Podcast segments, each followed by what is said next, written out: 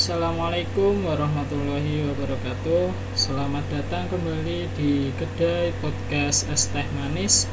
Bersama saya Eromnas yang seperti biasa akan menemani kalian selama beberapa menit ke depan.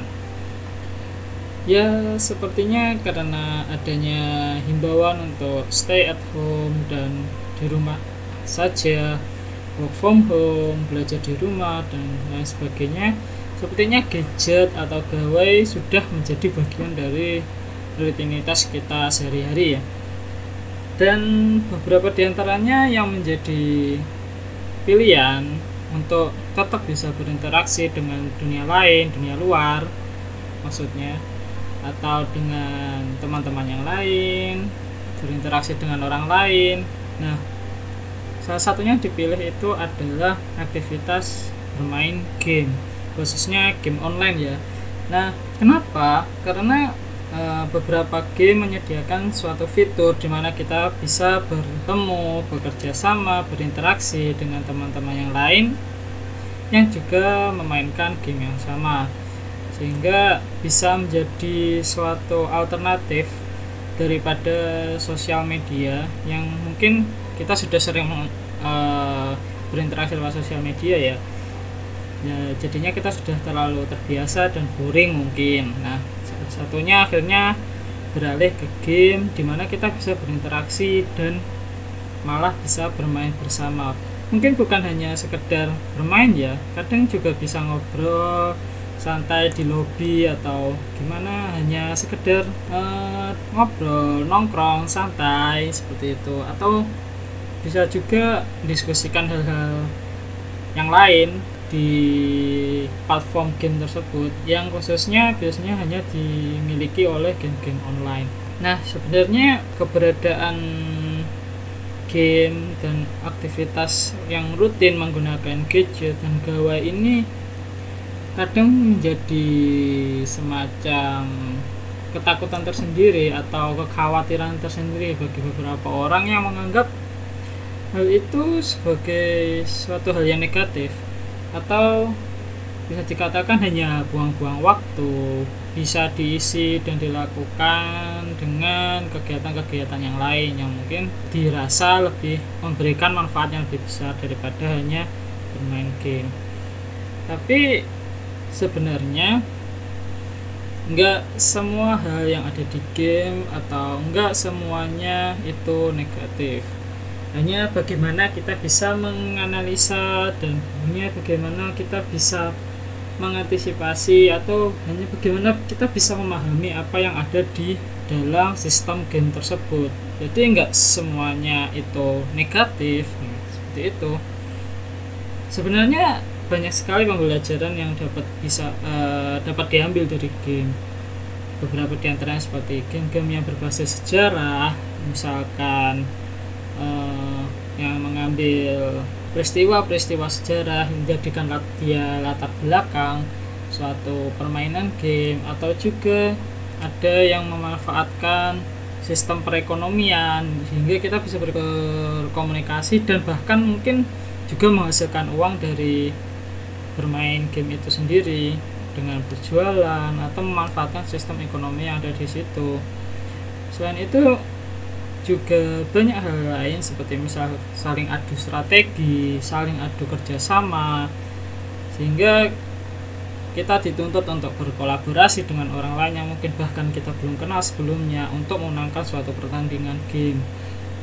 Yang di beberapa tempat bahkan menjadikan itu sebagai suatu kompetisi dan menghasilkan prestasi-prestasi atau bahkan jika dikatakan menghasilkan uang malah menghasilkan uang yang lebih besar. Seperti itu. Jadi nggak semuanya itu yang dipikirkan orang bahwa game itu selalu dianggap negatif.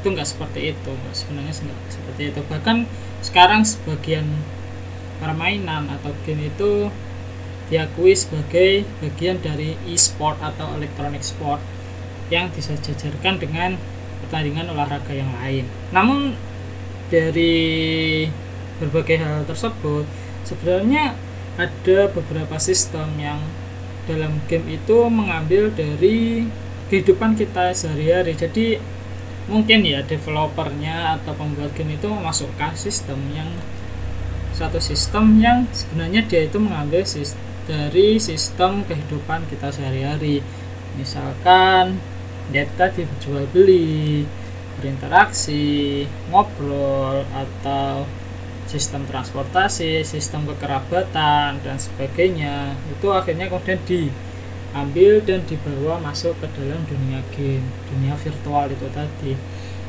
Sebenarnya bahkan beberapa sistem-sistem sosial yang ada di dalam kehidupan kita bermasyarakat ini bahkan masuk dalam berbagai macam jenis permainan yang ada seperti misalnya permainan bergenre survival atau FPS first person shooter ada juga MOBA multiplayer online battle arena dan juga seperti genre MMORPG yang bahkan dari mereka itu mengadaptasi sistem-sistem kehidupan sosial masyarakat yang setiap hari sebenarnya kita alami. Salah satunya adalah mengenai e, sistem mobilitas sosial.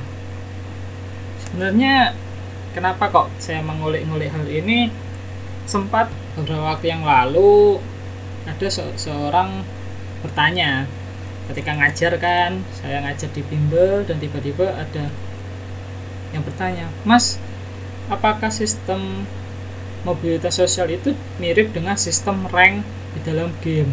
Dari situlah saya berpikir bahwa, oh benar juga, ternyata dalam game itu juga terdapat uh, suatu sistem sosial berupa mobilitas sosial yang kita sudah sering mengalaminya. Selama kita berinteraksi berkecimpung dalam masyarakat. Jadi sebenarnya sistem-sistem tersebut itu hampir selalu ada di setiap game. Hanya saja akan bisa diketahui hanya oleh orang-orang yang memang sudah berkecimpung di dalamnya jadi bukan hanya orang yang melihat dari covernya jadi ketika orang itu sudah terjun ke dalam game itu sendiri mengetahui oh sistemnya seperti ini oh sistemnya seperti itu yang akhirnya dia mulai sedikit demi sedikit memahami ternyata di dalam game pun mereka memiliki sistem sosial yang seperti yang selama ini kita ketahui di masyarakat. Kembali lagi pada sistem mobilitas sosial itu tadi, seperti yang kita tahu, kan mobilitas sosial itu adalah perpindahan suatu individu dari suatu status ke status yang lain, entah itu naik, turun, atau tetap. Di dalam game sendiri terdapat suatu sistem, yaitu sistem rank atau peringkat. Nah, di sistem itu hampir sama dengan uh, sistem sosial yang kita miliki, sistem mobilitas sosial yang kita miliki. Misalkan dalam suatu permainan atau suatu game itu memiliki suatu peringkat bagi playernya atau para pemainnya. Para player tersebut terbagi menjadi berbagai peringkat. Misalkan ada bronze, silver, gold, dan lain sebagainya dan itu hampir uh, setiap game memiliki ciri khasnya uh, sendiri-sendiri ya tapi sistemnya tetap mirip yaitu suatu peringkat atau status sosial atau mungkin bisa dikatakan uh, strata sosial yang ada di dalam game. Jadi diibaratkan rank atau peringkat-peringkat tersebut merupakan lapisan-lapisan sosial yang ada di masyarakat. Nah di sini seorang player atau pemain dituntut atau sebenarnya juga nggak dituntut juga sih. Mereka itu harus dihadapkan dengan sistem seperti itu dan sehingga memiliki suatu daya tarik tersendiri agar setiap player atau setiap pemain itu berusaha untuk meraih status atau peringkat yang ada di atasnya. Dan dari di situlah akhirnya muncul suatu kompetisi. Nah untuk menjangkau rank atau peringkat yang ada di atasnya, maka seorang player diwajibkan untuk berusaha menyelesaikan beberapa misi atau bersaing dengan pemain-pemain lain dalam suatu kompetisi tergantung jenis gamenya. Yang kemudian dari hasil kompetisi atau misi-misi tersebut mereka akan dihadapkan dalam suatu uh, dalam dua hasil yaitu keberhasilan dan kegagalan. Di mana ketika dia berhasil hal itu akan menyebabkan dia bisa bergerak untuk naik ke lapisan berikutnya atau rank berikutnya. Sedangkan apabila gagal ada suatu konsekuensi di mana dia akan turun ke peringkat yang ada di bawahnya. Misalkan e, seorang player berada di peringkat silver.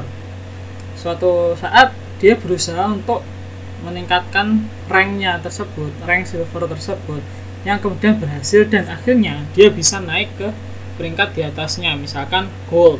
Tapi satu saat ketika dia gagal akhirnya dia mengalami penurunan lapisan yaitu dari silver turun ke bronze dari perak turun ke perunggu seperti itu. Jadi jika diibaratkan dengan uh, status sosial atau lapisan-lapisan sosial yang ada di masyarakat nah di situ kan ada yang namanya mobilitas sosial vertikal positif dan mobilitas sosial vertikal negatif. Atau bisa dikatakan mobilitas sosial vertikal positif itu tadi yaitu ketika seorang berhasil menggapai status atau lapisan sosial yang ada di atasnya. Jadi dia itu berpindah dari uh, strata yang bawah atau menengah kemudian dia berpindah ke strata yang lebih tinggi atau di atasnya. Dan juga sering kali disebut sebagai social climbing Nah, sedangkan yang mobilitas sosial vertikal negatif itu merupakan kebalikan dari vertikal positif. Karena negatif dia turun.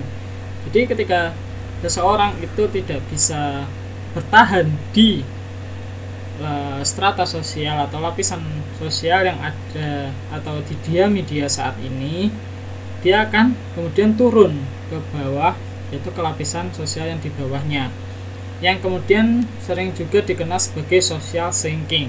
Nah, contohnya yaitu untuk mobilitas sosial vertikal itu misalkan saja seseorang karyawan.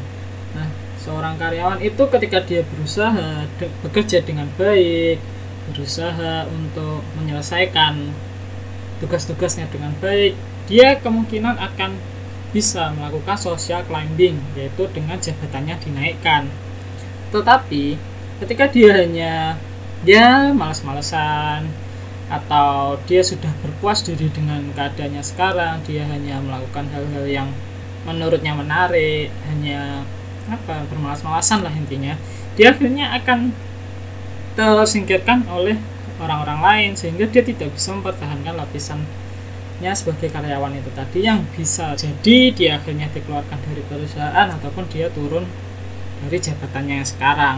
Atau ya mungkin seperti jika diberikan seorang siswa ketika siswa mau belajar untuk mendapatkan hasil yang terbaik dia bisa dia akan berujung dengan misal naik kelas. Atau misalkan dia mendapatkan prestasi. Atau misalkan dia lulus dari sekolahnya. Nah akan berbeda dengan orang atau siswa yang ketika dia sekolah itu males-malesan PR nggak dikerjain atau bolos dan sebagainya. Yang menyebabkan dia akan tetap tinggal di kelasnya itu tadi. Mungkin secara e, tingkatan atau lapisan kelas dia tetap. Tapi secara status dia itu sudah turun dibandingkan dengan teman-temannya yang seangkatan seperti itu. Nah sebenarnya mobilitas sosial itu juga dipengaruhi berbagai hal kan? Ada faktor dari individu itu sendiri, kondisi sosial, ekonomi, pendidikan, dan masih banyak lagi. Hal tersebut juga sama dengan yang ada di game, yaitu mobilitas rank dari para player itu juga dipengaruhi oleh seperti faktor individu, terus ada juga faktor untuk keinginan atau kemampuan untuk melakukan push rank istilahnya seperti itu ataupun kemampuan dia untuk memahami suatu sistem yang ada sehingga dia bisa belajar untuk menemukan strategi-strategi baru atau dia menemukan teman-teman baru untuk diajak push rank itu tadi. Hingga banyak faktor yang itu juga sama. Ibaratnya itu juga terjadi di masyarakat seperti itu. Bukan hanya di game. Jadi sebenarnya udah kelihatan banget gitu. Sistem yang ada di game itu sebenarnya ya adaptasi dari sistem sosial masyarakat yang kita ketahui selama ini. Dan mungkin itu bisa menjadi suatu pendekatan baru atau suatu media yang bisa kita gunakan untuk e, belajar atau untuk memberikan suatu pemahaman yang lebih menyenangkan dan lebih menarik bagi orang lain khususnya e, generasi milenial ini yang mereka itu lebih sering berinteraksi dengan gadget dan pasti tidak mungkin mereka tidak mengenal yang namanya game dengan berbagai sistemnya seperti itu. Dan itu menjadi suatu pendekatan yang positif karena mereka akan lebih mudah memahami suatu materi. Misalkan saja seperti materi mobilitas sosial yang diajarkan pada mata pelajaran IPS ataupun sosiologi jadi sebenarnya game daripada kita hanya menganggap ah itu suatu neg yang hal negatif harus kita hindari ya. Itu hanya hal yang buang-buang waktu harus kita hindari nggak penting nggak guna seperti itu. Kenapa tidak kita mencoba untuk mengambil hal-hal positif yang ada di dalamnya atau kita merangkum, mengintisari, e, memeras ataupun menyaring hal-hal yang ada di dalam game tersebut yang kemudian kita dapat e, mempraktekannya atau me, mengetahuinya dan kemudian bisa kita gunakan sebagai suatu pendekatan agar e, misalkan untuk para pengajar itu nggak monoton di mana hanya berupa textbook berupa video dan sebagainya yang kadang e, siswa atau pelajar itu sudah lebih tahu tentang hal-hal tersebut. Walaupun ya mereka hanya memahami semacam sebatas seperti itu. Tapi ketika kita menggunakan pendekatan-pendekatan yang menarik seperti menggunakan game yang sudah menjadi bagian dari kegiatan uh, rutinitas mereka itu bisa menjadi suatu hal yang menarik yang bahkan mereka akan berusaha untuk mungkin akan berusaha untuk menemukan hal-hal yang baru. Ternyata oh ternyata di dalam game itu juga ada uh, materi-materi pelajaran yang bisa mereka manfaatkan untuk belajar. Dan bukan hanya mengenai mobilitas sosial bahkan banyak sekali hal yang bisa kita ambil dari sistem atau genre dari game-game yang mungkin sudah banyak dikenal oleh anak-anak generasi milenial ya mungkin sepertinya untuk kali ini sebatas seperti itu sih. Kesimpulannya cukup simpel bahwa apa yang kita anggap suatu hal itu negatif belum tentu semuanya itu negatif. Bahkan ternyata dapat diambil hal-hal positif yang banyak sekali dari hal yang kita mungkin menganggapnya negatif hanya dengan melihat covernya yang bahkan kita belum tahu apa yang sebenarnya ada di dalamnya. Salah satunya adalah mengenai permainan atau game. Ya sekian dari saya. Terima kasih sudah mampir di kedai podcast es teh manis dan sampai jumpa di pertemuan-pertemuan berikutnya. Saya Eremnes kurang lebihnya mohon maaf. Assalamualaikum warahmatullahi wabarakatuh